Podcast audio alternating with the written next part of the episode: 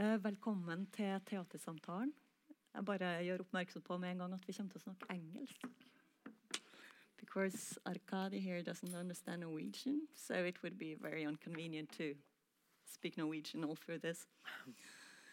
Uh, this is the second time we organize this Teatersamtalen. It's a collaboration between Teaterhuset Avantgarden, Turnéteatret i Trøndelag, Trøndelag Teater og NTNU, da Dramateater, And uh, we want to keep on doing a series of talks related to what we do as theatre and what theatre is and theatre's place in society. And uh, we have a part in society. We are a part of what's happening around us.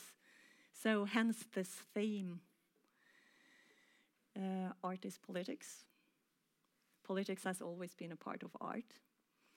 And uh, Arkadis plays I'm very political, so to say.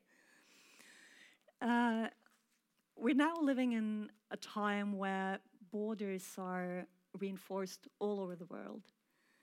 We live in constant fear for the unknown.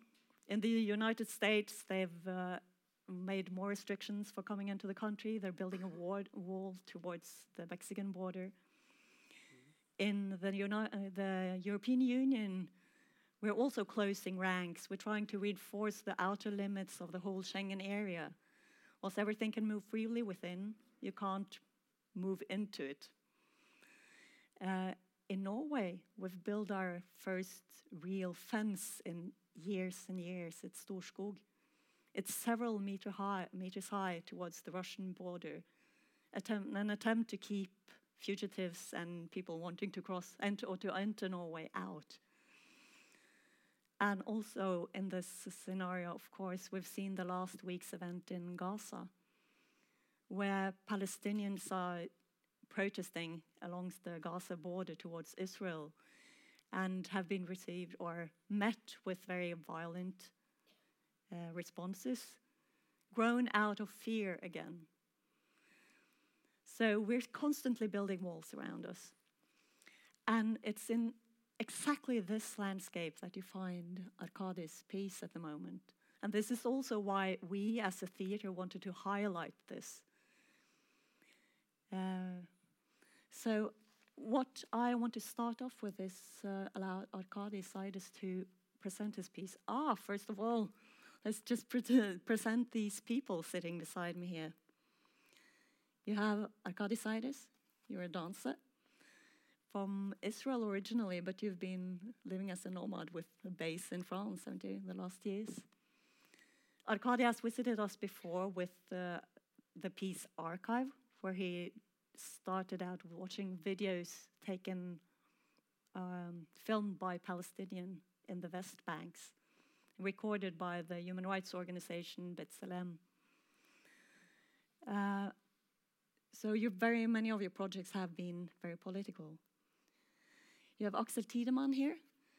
He's done a, a sorry PhD in uh, artificial intelligence, and is now working at the Telenor Research with the same thing. And you're also a drummer, as I understand it, and have been working with some artistic projects you, um, using this knowledge he has towards art. And then we have uh, Einar Duenger who's a philosopher from Universitetet in Agder. And as I figured out, you've been focusing a lot of re on religion. Um, not well. Uh, no. one of my okay, areas, sorry. Uh, one of your areas. Artificial intelligence, religion, uh, ethics, and meta metaphysics. Yeah. And now you're teaching also uh, several courses, or a couple of courses at least, in artificial and intelligence and the uh, effect it has on interaction or interaction with human beings. Yeah. yeah. So these are the people. Now, Arkady, let's hear about your project, which is our starting point for this discussion today. Uh, so, hello. and uh, thank you for inviting me for the second time here. It feels uh, already home. We're in the same hotel, in the same theater. Everything is, everything is familiar. Um, um, so uh, the, the the piece that we'll present here is called Talos, um, and it's it's. Um, I mean, as you mentioned in my also for previous works, the the the the, the space of the border has has has been a, a, focus in my work for for many years now. And as you mentioned, the archive, which we're dealing at, uh, on the border between Israel and Palestine, or actually the the non-existing border, but but the negotiation or the negotiation of a border between uh, in a very meeting point of people, of, of settlers and soldiers and Palestinians in the West Bank. Uh, and um, three years ago, I I left Israel, uh, partially because of the like of what my work also did in Israel, and and somehow uh, the political uh, responses to my work and the kind of understanding that it's not possible for me to work the way I work there anymore. I moved to Europe, and, and somehow I wanted to, of course, continue a thread um, and, and, and, and to continue to, to question this, this territory of a border, which, of course, in Europe in, in the recent years became more and more um, present.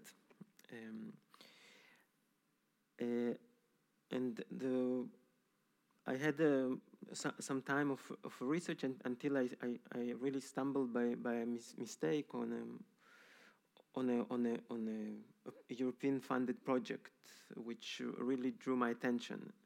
And this project uh, was officially lasting between 2007 and 2012, um, where there was a huge, um, huge uh, investment of the European Commission in in uh, projects which deal with securitization.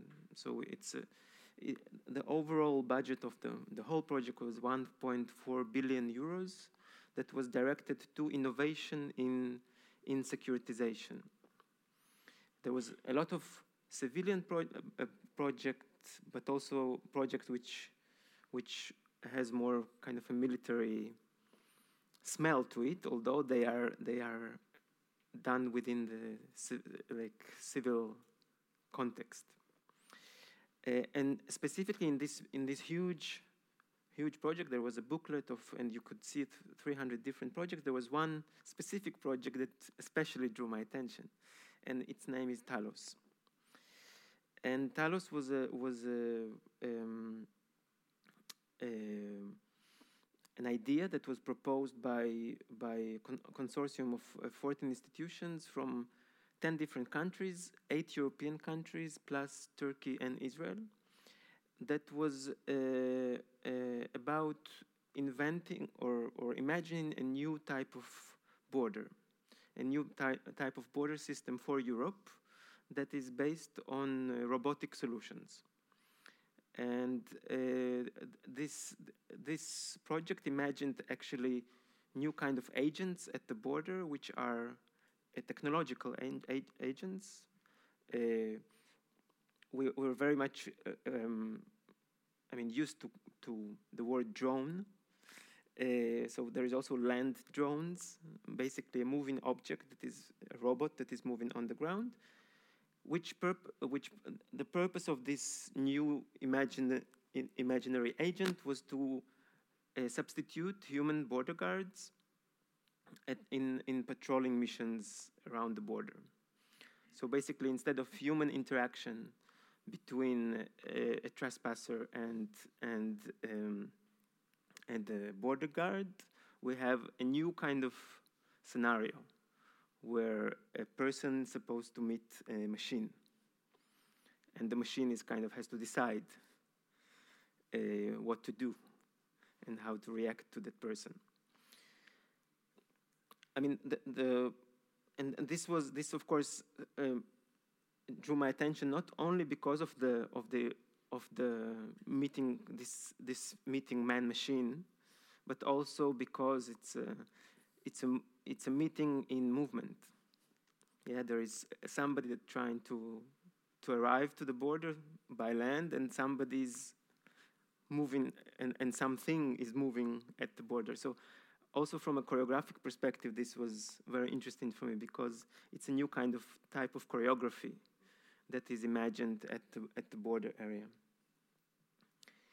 Um, and, and, and, and so the, I mean, we, we had a long research basically diving into the, um, the, the evidence we could find about the, the, the existing project, which means documents, uh, but also some things that we, I mean, we, we allowed ourselves also to speculate, to, to, to, to take this thought, which is not a new thought in human imagination, delegating responsibility to, to a machine to, to this context.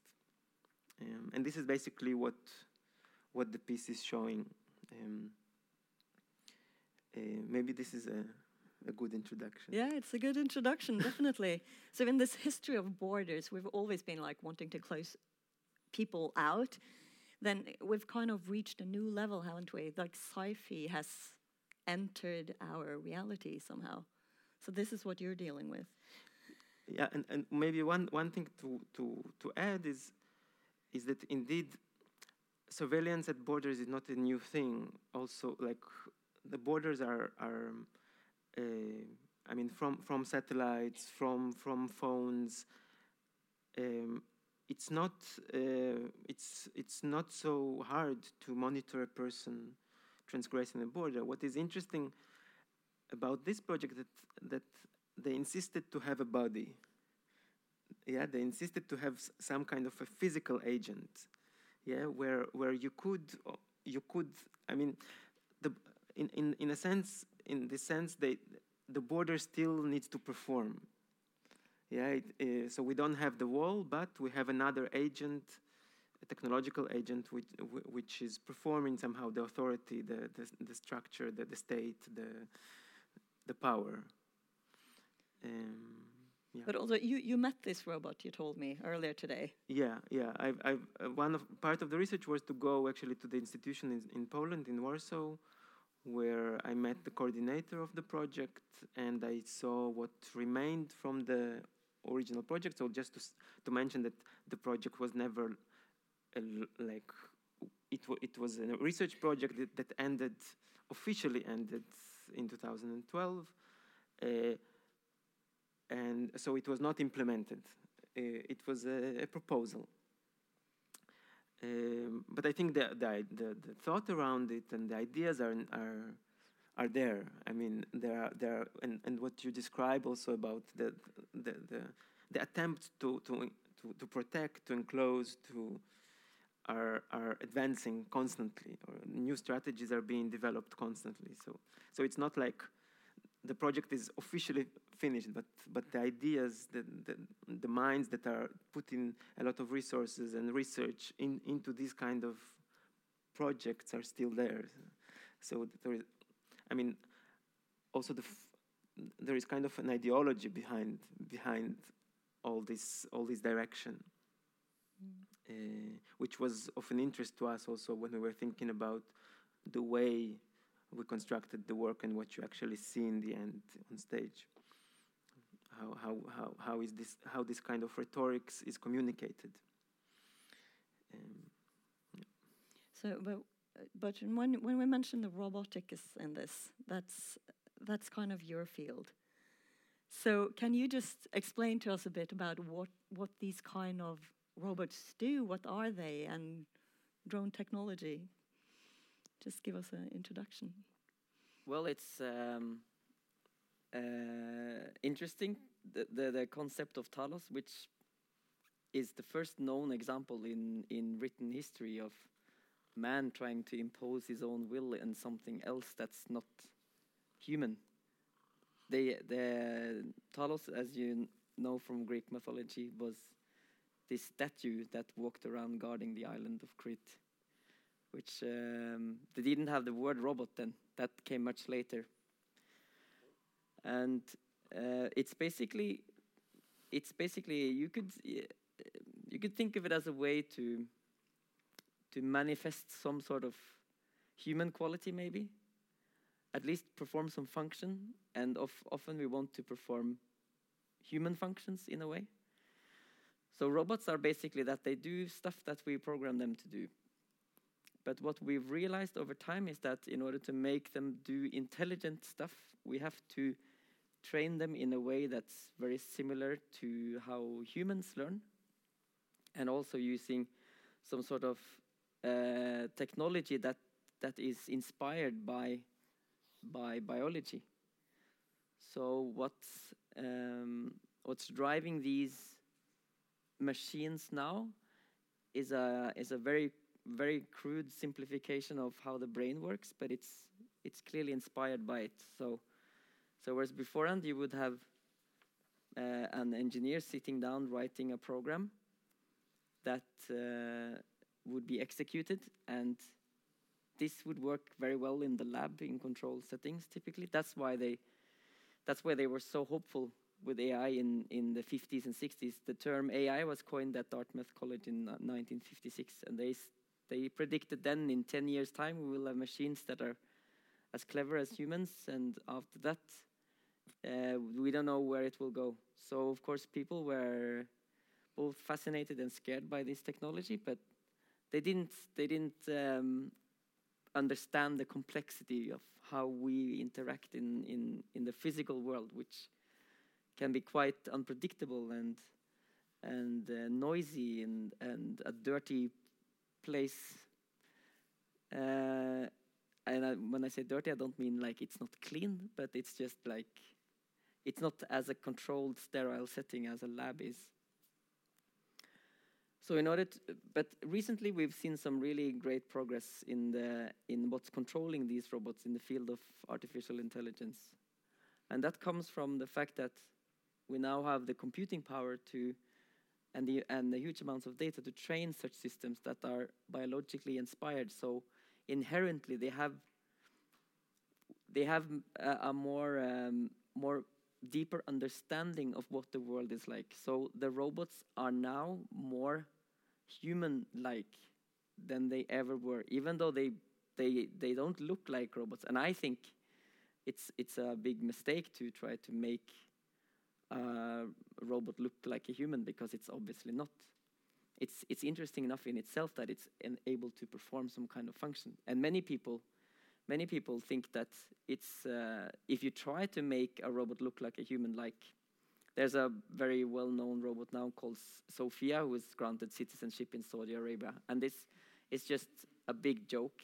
Nobody takes it seriously, and it's not artificially intelligent or anything. But what's worse is that it looks so completely horrible.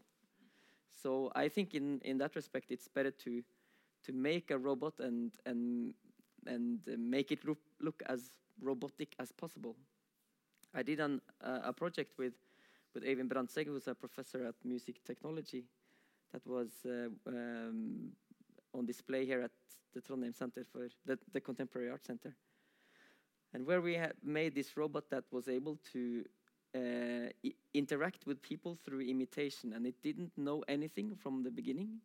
All it learned was through interaction. So people would say something to it, and at first it didn't know anything, so it wouldn't say anything but over time it would form these concepts. It would it would learn that when you say "Hey," you typically respond with something else. Um, how are you, for instance? And what we saw is that, and this was a very very primitive robot. It was it was a moving head where we had mounted a projector and a camera and some microphones. And it was in no it in no means by no means resembled a human or even anything living. But just the fact that it had acquired some of these human qualities so to say made people very interested in it and and spoke with it and tried to try to interact with it. So that's why we're seeing uh, a more in in function a more humanizing of robots and therefore drones and robots are basically the same thing. But uh, what's scary is, of course, that as as in relation to this project, when when they become autonomous, and do we do we know that we can control them? And that's what many many people are worried about. Um, me personally, I I see that this is we are kind of living in a in a wild west period of time where where there's a lot of things happening. Things are out of not out of control, but not under regularized control. And I think it's uh, I think it's inevitable that that uh, these kind of progresses will will eventually be regularized in a way so you can't have border patrols border patrolling robot that could kill people for instance or or uh, harm them in any way and stuff like that although that is what many people fear But when you're when you're talking about Wild West now, maybe that's a good well, part for you to enter because you're actually dealing with the Wild West. Isn't that your specialty here with the ethics of it? Because also when I- when we talk about like the the dangers of uh, robot technology or artificial intelligence, it's always this sense that they're ahead of us. We always have to catch up with what they're doing. But uh, are they? Or is human mind actually, can we think ahead of the development somehow? I, th- I think that it's very important to keep in mind as well that uh, uh, AI uh, is a very hip hip term right now, uh, also in research. So a lot of research money gets thrown at any project that mentions artificial intelligence. So if you if you throw in some technology or digital or the words digital or, or artificial intelligence or robots, you get more easily research money. So this is a practical uh, uh, effect in, in the research community that people now start to put together projects and they hype them up and they have to sell the projects to, to politically oriented research. And the way to do it is, of course, to make it sound useful or make it sound really uh, futuristic or really groundbreaking. But I think a lot of what's going on among scientists, and I know this from firsthand, that people make up big projects, but really what they are interested in is this tiny little technical detail that they want to write a research paper about, which might be a piece in the puzzle to get the bigger picture, but no one has the realistic hope of actually get, uh, accomplishing the big picture in the research grant. It's sort of like a, a, a carrot that you keep ahead of yourself all the time. And, and this is the way to get research money. So I, I think a lot of the hype is just that. A lot of, it's just hype. Uh, and what's going on is much more down to earth, boring stuff in the technological development. And when people talk about uh, AI and robots having becoming more human-like, like you did, or or they say that they now understand, or they think, or they're they're reasoning, and, and a lot of the AI people use this terminology, which is very human kind of terminology, uh, and they uh, anthropomorphize the whole robot uh, industry. And I think it's basically hijacking a lot of our terms for human uh, terminology. And they're taking terms like think and and reason and intelligence and and they use it for technology, which isn't any of them in the sense that we are. And they confuse this terminology because they're making up this project that they want to sell. So I think actually the reality is much more boring than uh, than what we hear and what we read about. Uh, so, for example, people confuse all the time terminology like intelligence, consciousness, and and morality. For example, they they mix those two together, three together.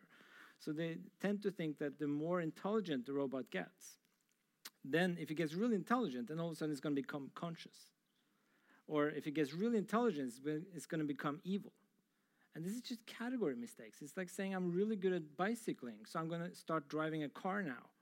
It's like you, you you can't go from the one to the other. You have to practice both. And I think the more intelligent the robot gets, the more uh, it gets uh, good at solving complex problems. So it, it's which is basically in machine learning and other strategies to make this. It's just categorizing problems. It's just categorizing stuff correctly. So, for example, in X-ray pictures, they are now better than doctors at recognizing cancer pictures in X-rays. And so they've learned, they've been trained on a bunch of uh, X-ray pictures with cancer and without cancer, and now they categorize correctly new pictures that they get fed with cancer in something like 90% of the uh, cases, and the doctors uh, lies around 70%. So if you want to test for cancer, you should go for an AI system, not a doctor. And the thing is, it's just trained to categorize based on patterns. So when you get these like uh, robots that do more and more of our decisions, I think there are several ethical problems here. Because one is that the more, as you said, the more autonomous they get, the more we don't really know how they work because it's very complex. So this is often called the black box problem. So we don't really know how they come to the decisions they do because then we could do it ourselves, but we can't. So, for example, they beat us in chess, they beat us in Go, these board games that demand a lot of intelligence. And we don't know exactly how they got to the solution of beating us. That's why we lose. So we need to sit back and learn how they made the moves and why after we've lost. And uh, so um, this is a, a, a, general problem for ethics because now when you set these systems in play, for example, at border patrols, or you set them at play in, uh, in healthcare or in any ethically loaded area of society, these systems make decisions that we don't really know how they came to. And that creates a lot of ethical problems because who's now responsible when the, the, the, decision is made and we don't know how they made it, but we sort of just press play and it comes to the decision and it does something for us, makes a decision like don't let these guys uh, across the border or give these guys some kind of medicine because this is what the system tells us. And now we don't know why exactly they came to that decision. So who's now responsible? The guy who set the system in motion or the system itself or and the more complex this gets, the, the worse it gets. Uh, so when systems start, for example, making new systems, we lose complete control because now a system makes another system that makes even better decisions, and we didn't even know how the first system worked. So then you start diffuse the moral responsibility of the decisions.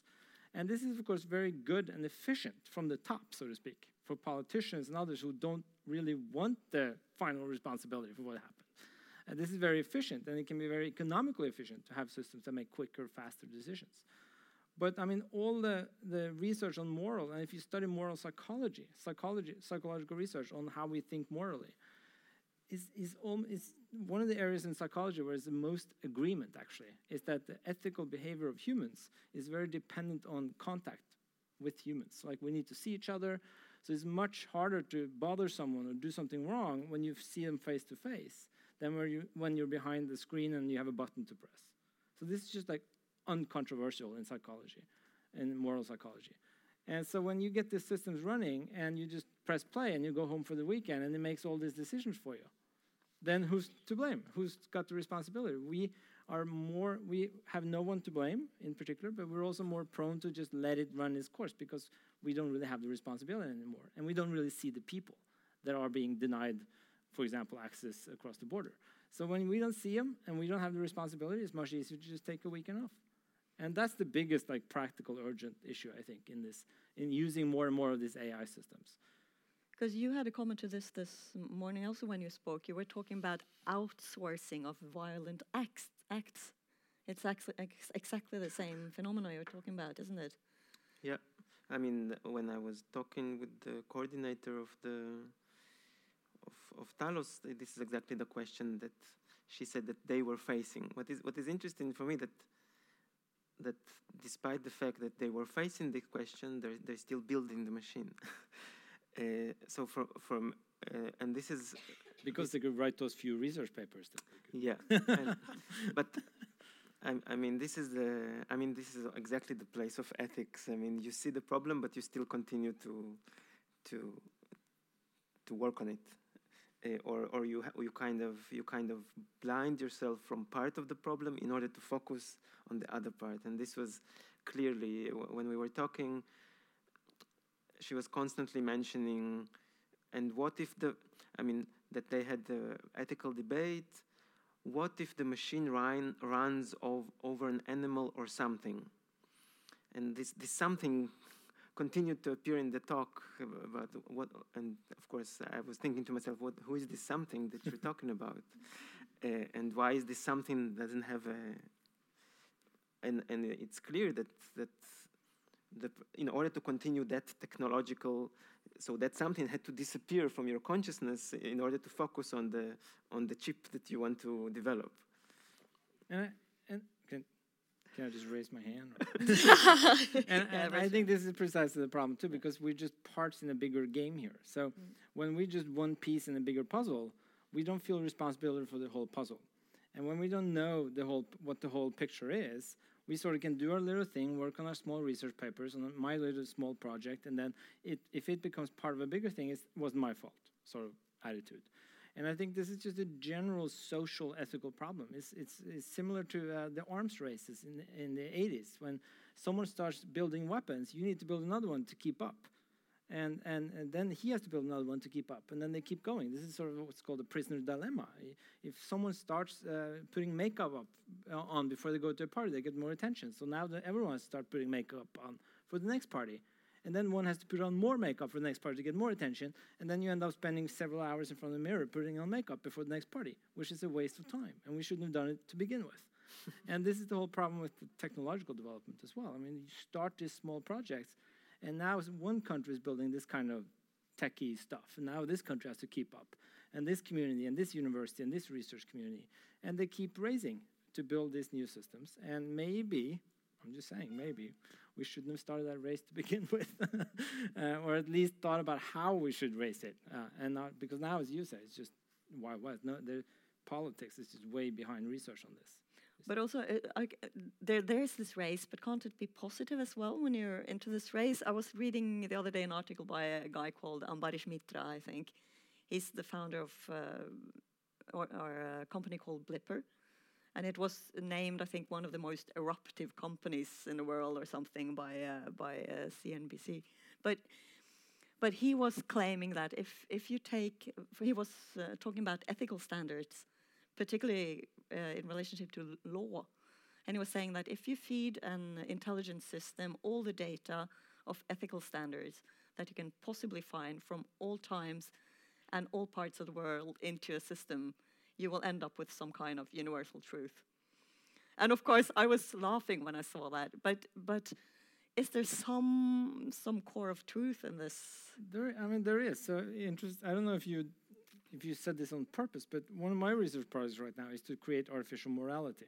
Uh-huh. So uh, it's it's uh, trying to create a system that can behave morally, just like we are creating systems that can behave intelligently.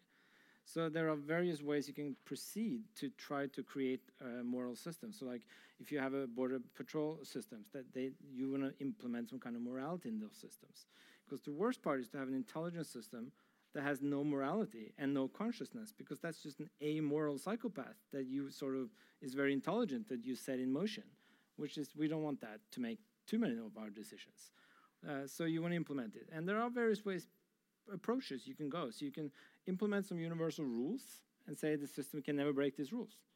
Uh, the problem with that is that no one agrees on what those rules are supposed to be uh, or you can train it with machine learning like you are working on uh, and you, that's sort of what you said. You train a system with uh, structures of, of more moral structures uh, in prior experiences, and you feed the system that, and just like you feed it uh, X-ray pictures and train it on that to recognize patterns, and then it's supposed to make independent moral decisions.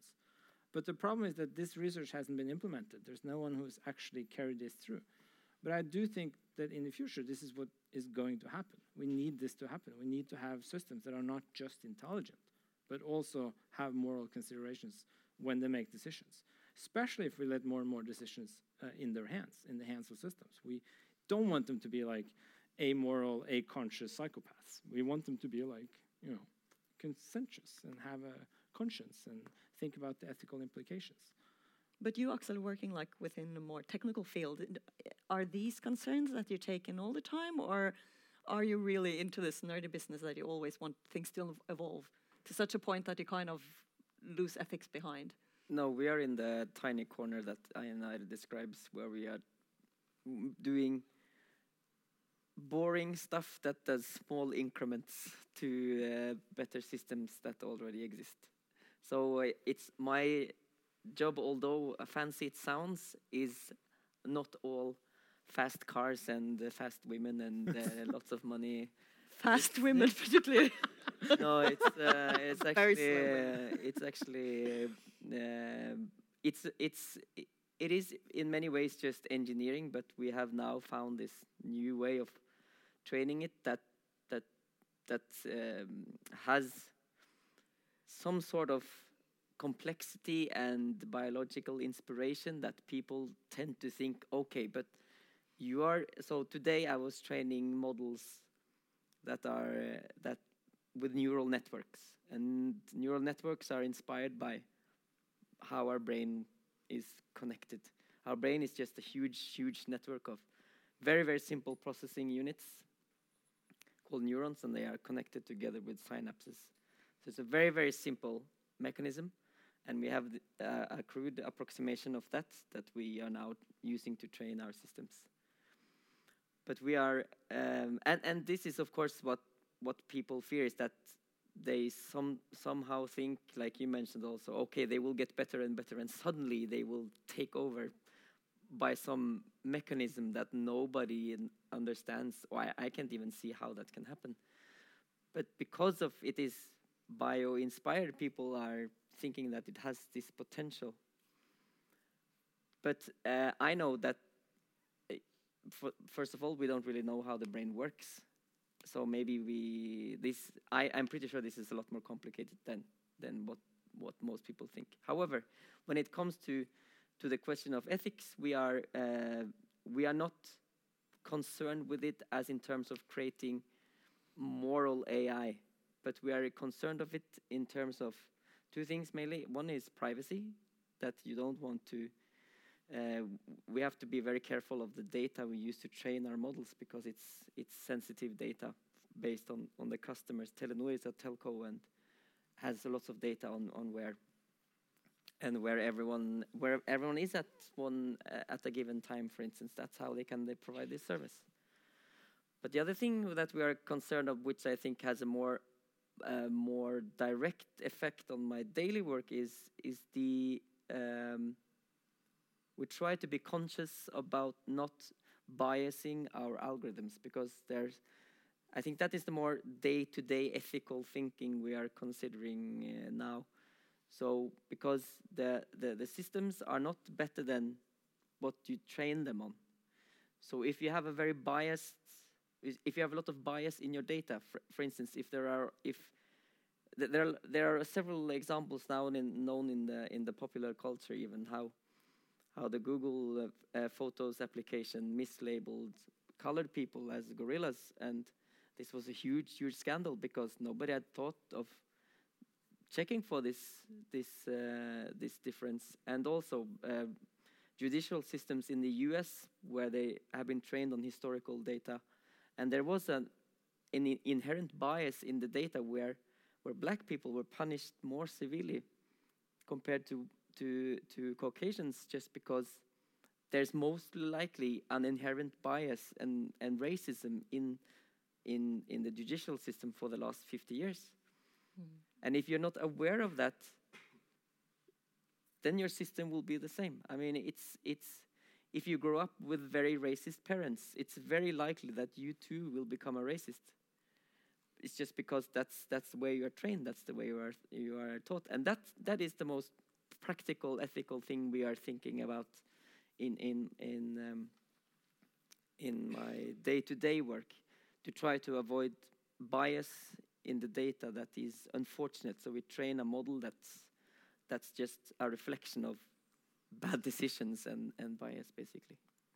Yeah, so I, I, think this is uh, very illustrative and important, actually, because if you think of disciplines that have a huge impact on society, like doctors and, and, and police officers and teachers, they have their own like um, uh, ethics in their own disciplines. So, so, when you take these educations to become a police officer, for example, one of the courses you have to take is the ethics of a, being a police officer, because they want these institutions to behave well, to not be biased.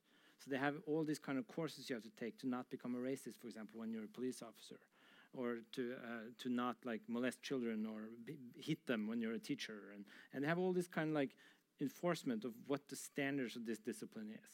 But people who develop technology in education today, in, in ICT education, uh, information and communication technologies, they don't have any ethical uh, standards set for the discipline yet because it's a fairly new discipline.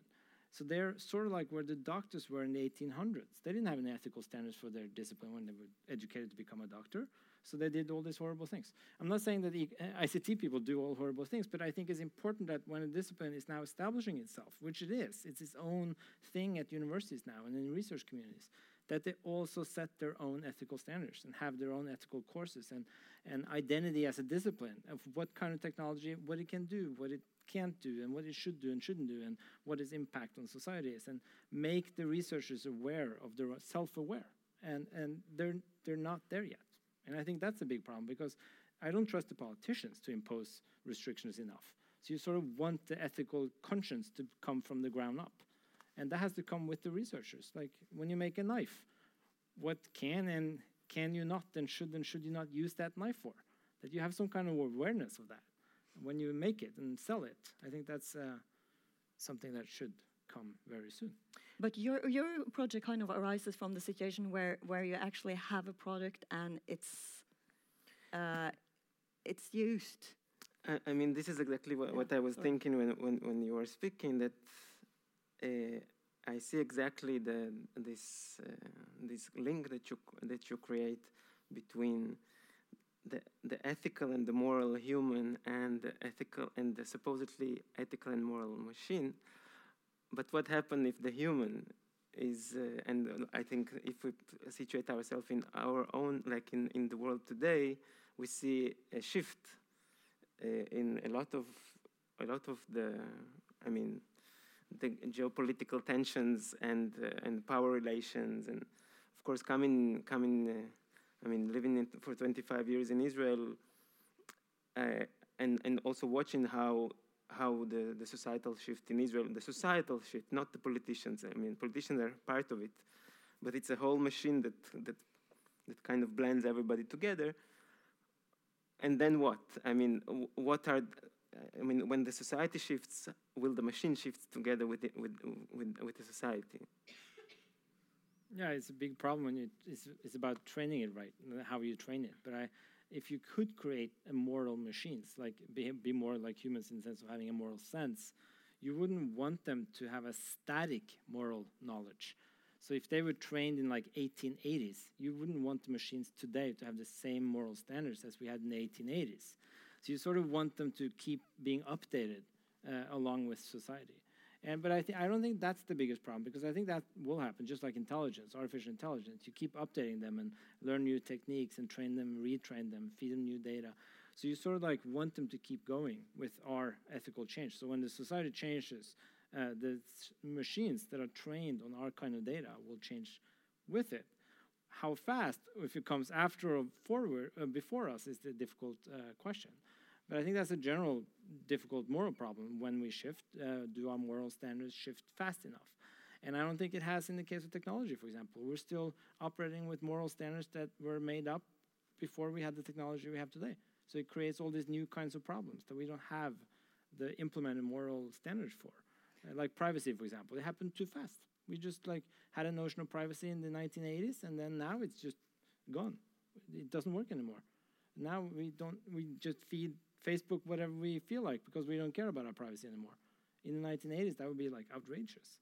So it changes very fast with the technology. But you also touched a theme earlier on like who's responsible because it's you also have a system behind uh, deploying a, a if it's a drone or whatever.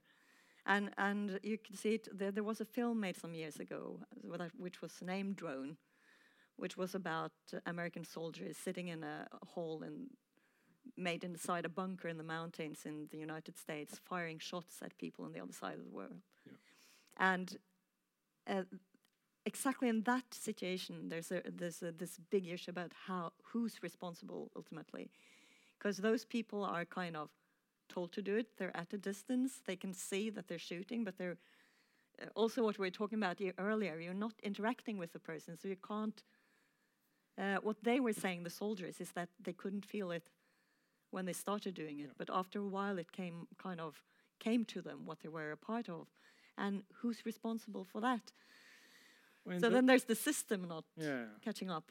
yeah. In those cases, it's, it's the superiors, like uh, politicians and, and the officers of the ones who push it. But I mean, it's it's it's a constant problem. Like who's respons You diffuse responsibilities. You see it all the time. In Norway, you see it especially. Anytime something goes wrong, no one's responsible. It's like no one to blame if something happens bad, like in, like the uh, uh, the Utøya thing. The the what date was it? Twenty second July. It it was like no one got blamed. No one was responsible for like an outrageously lame reaction, and no one got fired. No one got there was no one had, was to blame, and that will get worse with the technology because then it's even farther from like human decisions being made. So that's like the most pressing uh, ethical issue with the technological drive. But I think the, another big problem, which I was going to say earlier, which I forgot, was that uh, is precisely that uh, when we impose the moral standards, because society shifts and we try to impose new standards, then there will always be another remote place on Earth that have a laxer standard, have a, a, a, don't have those standards, and then the research will go there. So it's very hard because it's a global issue, right? It's not like uh, located anywhere. So if, if we have really strict privacy standards, for example, another country will just open up their privacy uh, rules so they can make more money because there's a financial incentive here. So in that case, there's always going to be somewhere they're trying out the new stuff when the standards are high here. They're going to try it out here. And if they impose strict standards, it's going to try it out here.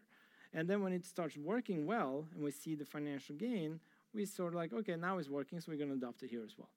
And that's the sort of arms race that uh, happens with technological developments.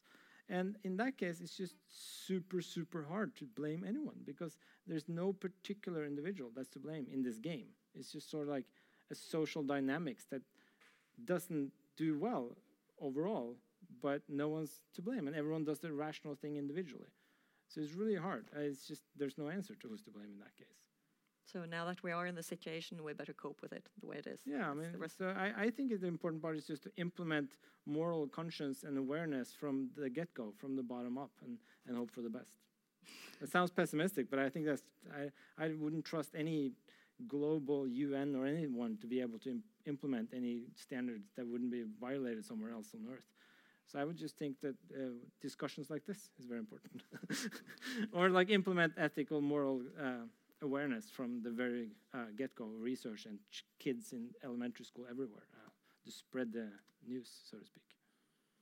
But I just want to address one more thing in your piece because your piece is very much developed from potential scenarios, uh, where where because this this uh, this robot was actually never really used at a border, and when I read the texts that I can actually get hold of from the Talos project, there's there's the same rhetoric as you were talking about with this Polish woman trying to present it.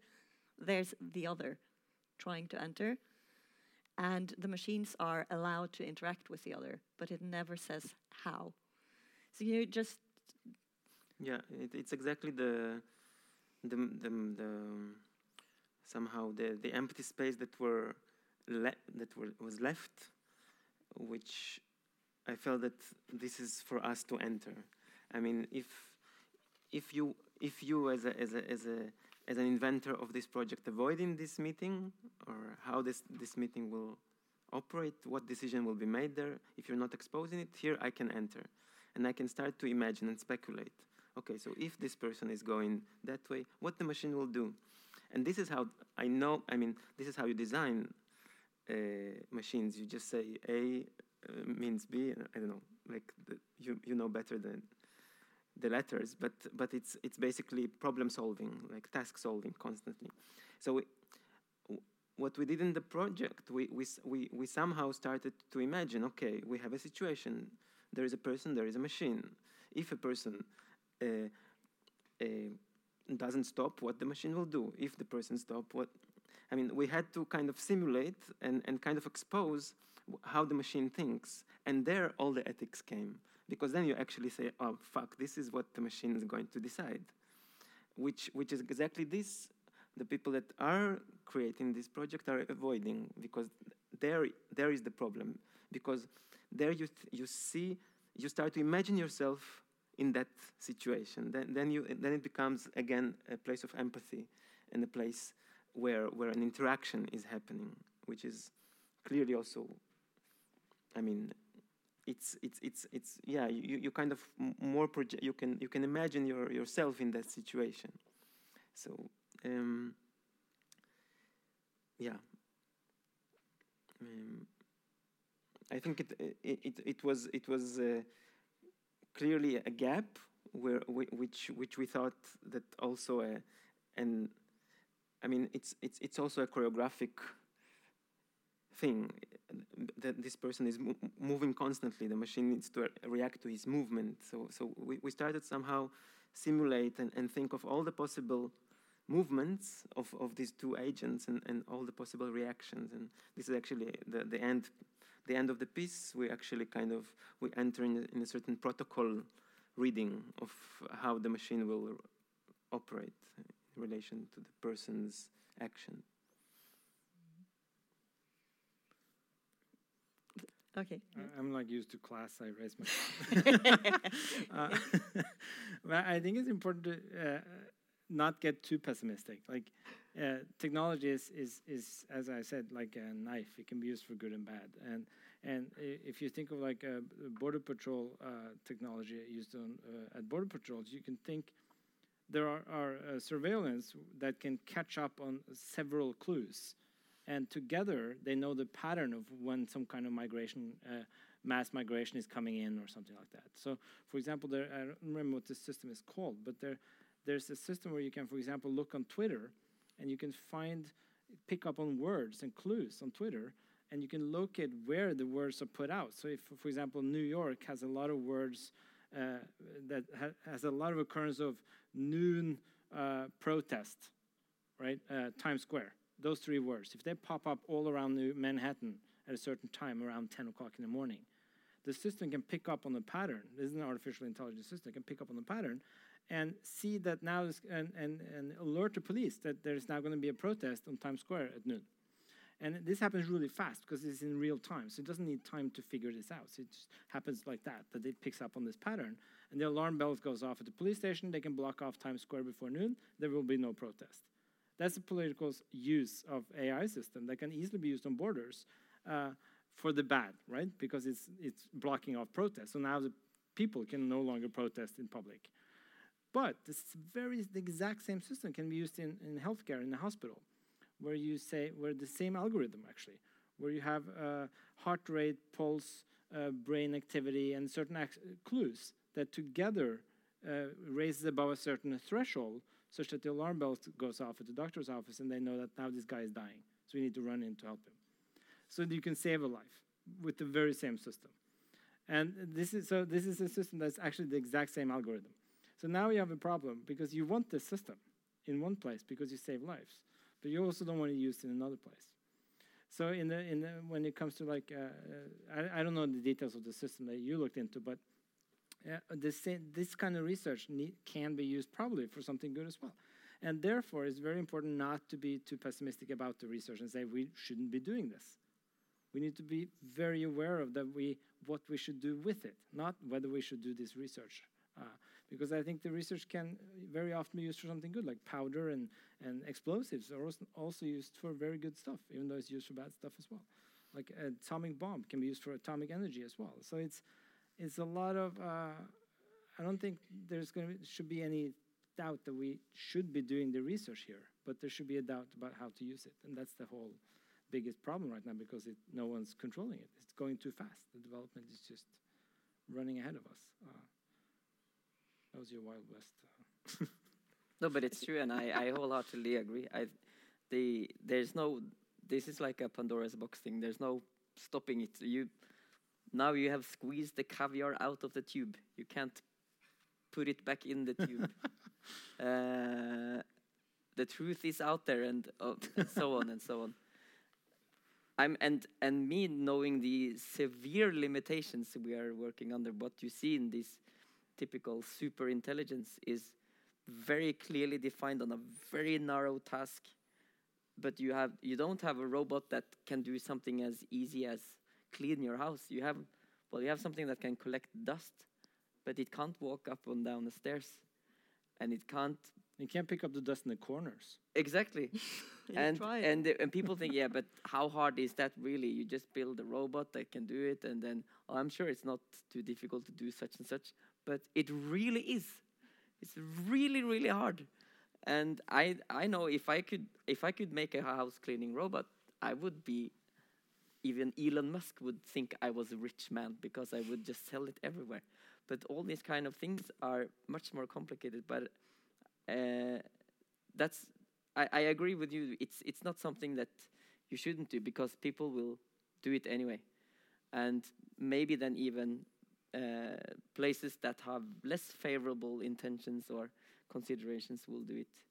So it's uh, it would be it it's something that must be embraced and not feared. I think, and and trust me, when you know how how limited the machine learning algorithms work, you wouldn't be losing any night's sleep over it either for it to be like a dangerous entity anytime soon.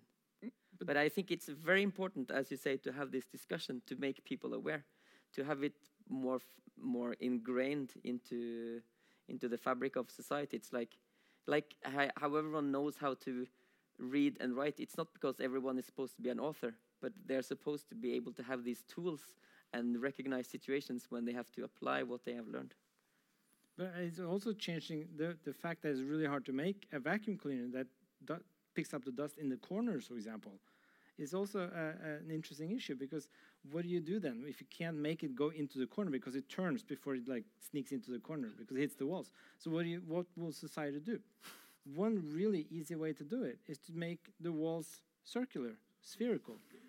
so like we rebuild the houses instead of trying to fix the vacuum cleaner and this is a very good example of what's happening because we make this technology and then some technology turns out to be pretty hard or weird and it doesn't really fit so we change what's around it so like self-driving cars for example it's going to be really hard to make that make uh, sound uh, decisions when something comes in front of it so what you do you probably will box in the roads you will probably make high fences so people can't get into the roads to get hit in the first place so it changes society uh, uh, radically from uh, in ways that are unanticipated from the technology itself and this is sort of like uh, I think what's going on everywhere, and also with just general concepts like privacy is a paradigm example. It's changed radically from when I was a kid. The notion of privacy. I mean, you would never tell anyone or put a picture of yourself anywhere from your vacation in the 80s. You would have it in the album in the living room and show it to your dear ones. And now it's just like let the world see your kids in the bathtub. It's like it's weird. And I think what's changing is around the technology as well. So it's radical.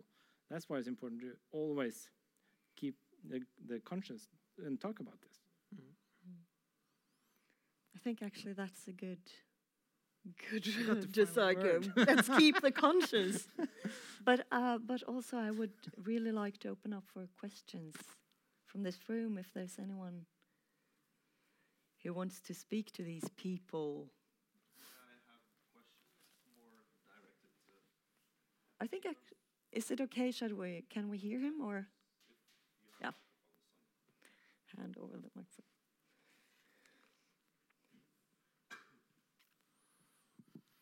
I guess the first part of the question is more to Arkadi because I think what you do is sort of like I'm not calling you a jester, but you fulfill the role uh, that the jester had in a royal court, like in medieval ages, right?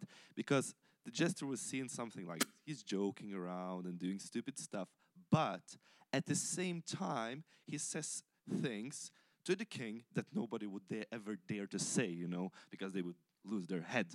But the jester was spared, you know. He's the jester. So I mean, uh, I'm not very into your work or never heard about you, but I think the role that you fulfill in this kind of discussion is extremely important because um, I mean, the art, the things that you're doing, is shedding light from a very different perspective, right?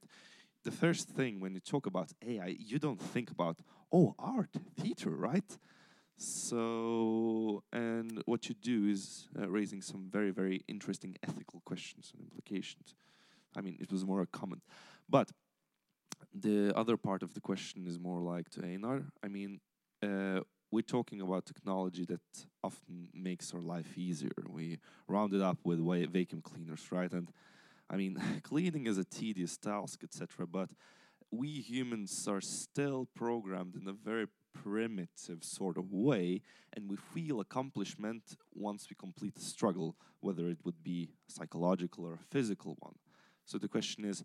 Uh, how much does technology contribute from removing the purpose from human life uh, by doing menial tasks, even though we appreciate it, but we actually need it at the same time? Yeah, uh, it's a very good question, I think, because um, we invent technology, and the techno- and, and the technology we put to use first is the one that's very uh, making our lives easier, so to speak. It's supposed to make our lives easier. It's like think of Facebook. It was supposed to connect people. You're supposed to keep in touch with your friends. Uh, and what do you end up doing? You end up spending a lot of time wasting a lot of time on Facebook with completely useless information. So it, it, the intentions behind technology is to ease our daily routines. You don't have to like send a letter anymore. You can send an email or go through Messenger. But in the, on the other hand, so you save a lot of time getting the letter across. But on the other hand, you end up sending one million letters. So you spend as much time on letters as you did before. And actually, people are now have less time available than ever. And now we're supposed to have the technology that makes us our lives easier.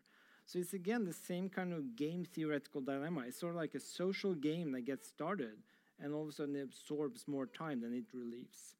So it's a genuine dilemma, and I and I am sort of a techno optimist, but I'm also a techno pessimist when it comes to the digitalizing process all over societies. Like at my university, they're digitalizing everything, so the administration is making everything digital. But what it ends up doing is to have the faculty, the, the research uh, people, put in all the information on the internet, and then they just check that we do it right. So what we end up with is actually we having less time than ever because you have to put in the, all the information in the digital process, which is super effective for the principals and the administration because now they can just sit there and check that we do it right. So it's very efficient from the top, but it's very inefficient from the bottom. So the point is, when you invent this technology, it sort of moves the burden from here over to here. so it's sort of like cleaning at my house. I just move the dust behind the door. And then eventually it's going to come out through the door or something because it's too much.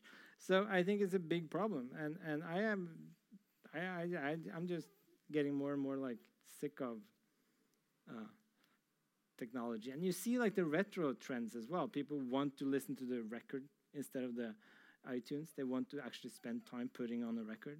Uh, so I, I, yeah, I don't have a clear answer, but I think it's very important to be aware of this shift of burden rather than solution to a problem. So when the when they make everything technical and digital, it's sort of like efficient from one perspective, but it's very inefficient from another. Uh, so, I, yeah. Maybe I, I can comment uh, also for your comment.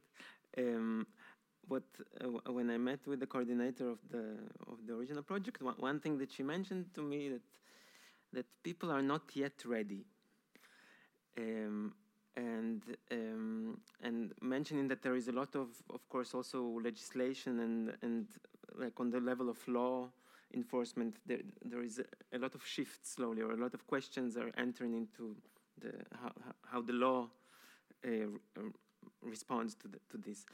But speaking about the the the who would think about AI and and art, I mean, you would not imagine how much money is now. Uh, directed towards art that deals with technology. And this is exactly where I think where art is also used in order to make you more ready. Uh, uh, for what it's maybe the coordinator of the project to ask, and, and maybe this is one of the things that we should be ready for. Uh, but this was exactly my hesitation because, I mean, I mean, we have to prepare ourselves for something, uh, and, and and clearly the, I mean the the European Commission has a specific, a huge, huge amount of money going to art dealing with, with new technologies. Um, so get ready. I really feel like mentioning in this context also to the ones who come from the philosophy side here. There was a project made by a, a artist some years ago, Annie Dorsen, where she programmed a robot to, with the thoughts of uh, Noam Chomsky and Foucault and she staged this conversation between them, totally computer based. So, so the whole play was actually this fictive conversation between the two of them, based on algorithms the whole way, and it was beautifully done. Uh, uh so, uh, yeah, I mean, I think another problem with this whole your question is that uh, we sort of uh, humans are developed very slowly through um, if you have a sort of naturalistic picture we've developed very slowly and our emotional register and our intellectual abilities and is, has developed under different uh, circumstances than we have today. And when the development goes really fast like it does now and more and more decisions and, and work like tedious work is left to machines we sort of lose something on the way. We lose something like uh, the feeling of authenticity, for example, often in many contexts. We lose the sense of like accomplishment of having done it ourselves. And I think that's behind what the, a lot of the retro trend when people want to listen to record again. You want to put some effort into actually listening to music, uh, and you want to build your own uh, or, or, whatever the machine builds for you. I mean, so I think it, there's a lot of um, the, it can create some emotional and, and, and, and gaps in the sense of like a meaningful daily life when you when you have no feeling of actually doing it yourself anymore. You're just like a passenger that's observing rather than participating. Uh, and I think that might be a, a big problem. Uh, and you, if, if what the psychologists are saying is right, that we uh, kids nowadays, for example, are more stressed than ever. That's not a good sign. Uh, maybe they should like spend some time building something and feeling an accomplishment instead of just watching other people go on holiday on Instagram. Uh, so I think there's a lot of potential issues here that because this is really like only 15 years old, the whole whole daily routines we have today based on digital technology. I mean, 20 years ago there wasn't any. So the change is much faster than we are able to adapt. Anyone else? Yes. Um, uh, this is really interesting, um, but I have a question for Einar um, concerning your research. Uh, I love this question already. because it sounds re- it's it's it's incredibly interesting, uh, and I was just wondering how do you um, how do you uh, try to implement morals in your yeah so is, is, it like is is there um, ethical theories that are being like utilitarianism yeah. programmed into very good question so let me start you have an hour no i'll be quick uh, so, so one project the most recent project that i was mentioning is that uh, so what I'm actually trying to do is, I problem with the project that I need computer scientists. I just have the ideas, and I need someone to actually pull it off. But the idea is this: we have. Uh, I'm looking for uh, moral board games. It's like uh, looking for board games that have a moral dimension in order to do well. So there are a couple of games like this where you have to use the moral sense to do well. It's like a couple. There's a game called uh, Fog of Love, which is pretty new and interesting. You have to find a balance in a relationship with the other player and if you think too much of yourself, the relationship goes to hell. And if you think too much of the other, it goes to hell because the balance gets broken. So you need to cooperate. And what we're trying to do is to uh, create a system that can be trained uh, uh, to win these moral board games against humans. So imagine just like we had a system that beat us at chess, and now most recently had a system that beat us at Go, this other game, which is much more cool than chess if you know Go. And they beat us at Go. And the way the systems did this was they were trained on human uh, plays of Go and uh, to recognize patterns, calculate probabilities of winning moves given what the other one moves um, make. And what I'm looking into is a system that can do the same with a moral dimension rather than an intelligence dimension. And if you could get this, this is a very baby step of creating artificial morality, like we talked about. Because if you can get it to win this game against us, hmm. i.e., meaning get a system to be more moral than we are, in this particular restricted domain, then you would have the first kind of artificial morality. That would be the first baby step of creating bigger systems like at border uh, controls or at immigration offices or, or in healthcare or anywhere, uh, where you can make it do the morally right thing. Uh, but it's not resting on any moral theory because I'm actually opposed to having one theory rule it all because I think it's context dependent. So I, it's training the system from scratch, just like I train my kids. I have way too many kids, and I don't know what's right and wrong, but I try to raise them right all the way, even though I don't have the answer what's right and wrong. And in this similar way, I want the system to be trained, even though I don't know what's right and wrong, uh, by data. Uh, so that's the idea. It's a very cool project, but it will probably never happen because I'm a philosopher. Maybe Axel can pull it off. But I mean, again, that would be a case that could also probably be used for something bad. I mean, so again, it's important to think about what it could be put to use for. I mean, like, so you could imagine someone training it with the wrong data, so it became mm. super racist, for example, mm-hmm. uh, and then say, "Haha, look at what the system says. This is, says this is the right thing to do," and it's like, uh, well, it's making taking women, is taking away the right to vote for women. That doesn't sound right. And then uh, that's what the system says. Well, then it's been fed the wrong data.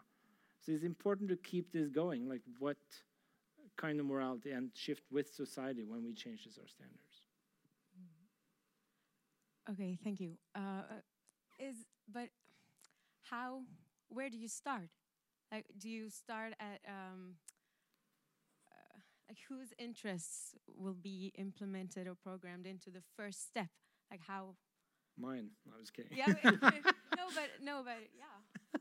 no, I mean it's a it's a problem. So one of the main objections that we often meet is uh, two main objections. One is who's to say what's right and wrong, uh, and the other is uh, uh what if um, how do you know when it's right and wrong? Like when how do you know when you've succeeded in making a system moral?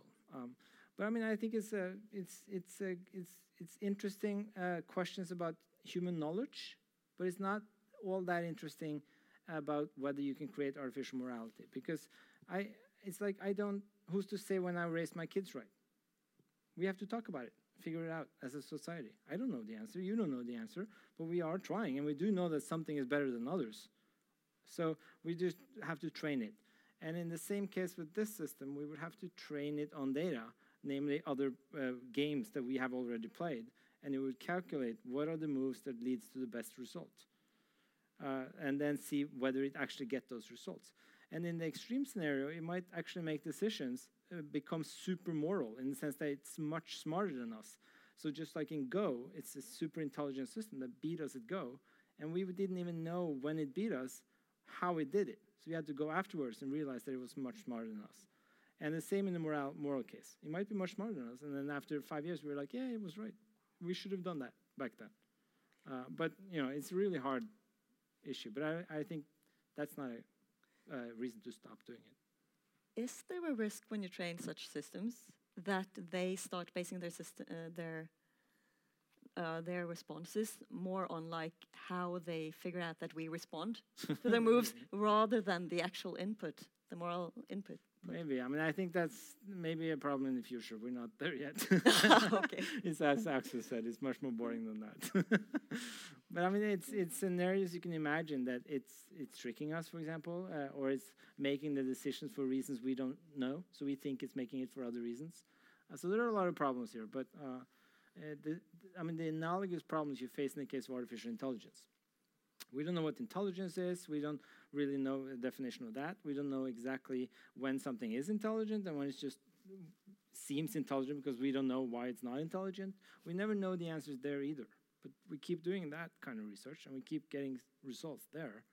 So I think it's about time we start thinking about the same on the moral, along the moral axis, because you see uh, scandals like the Facebook scandals, all this stuff, border patrol stuff. That's where we should have systems that can make moral decisions, and then we can check them and see do we agree or not. Well, it seems right. So it didn't make that mistake. I mean, it's. Yeah, of course, we have different moral systems in different places. Yeah, but I mean, there are some universal. I mean, this is a big debate in, in moral theory whether it, there are anything that's morally right across all places or whether morality is relative to a context. Uh, that's a big issue. Uh, but I mean, I think the analogous problem happens in intelligence. There are different standards for intelligence, and there are different tests for intelligence. There are different ways of being intelligent. You can be socially intelligent, you can be analytically intelligent. I have colleagues who are socially incompetent but very good at mathematics, and I have family members who are very socially competent but terrible at mathematics. And those are two different kinds of intelligences. Uh, but still, we try to make systems that catches them both. Uh, and I think we should do the same with morality. But I mean, again, it's very important. Like, if you have a very utilitaristic system, meaning a system that only measures consequences, so it sort of says, do what leads to the best consequences. That's good, for example, in a big political crisis or an immigration crisis, and, and to calculate what should we do in this when we involve like a million people. But it's a terrible system in a marriage. So if your wife says, "Could you bring me some tea? I'm feeling terrible," and you're like, what should I are the best consequences of my actions right now? Shouldn't I help someone else instead right now? That's the way to get divorced.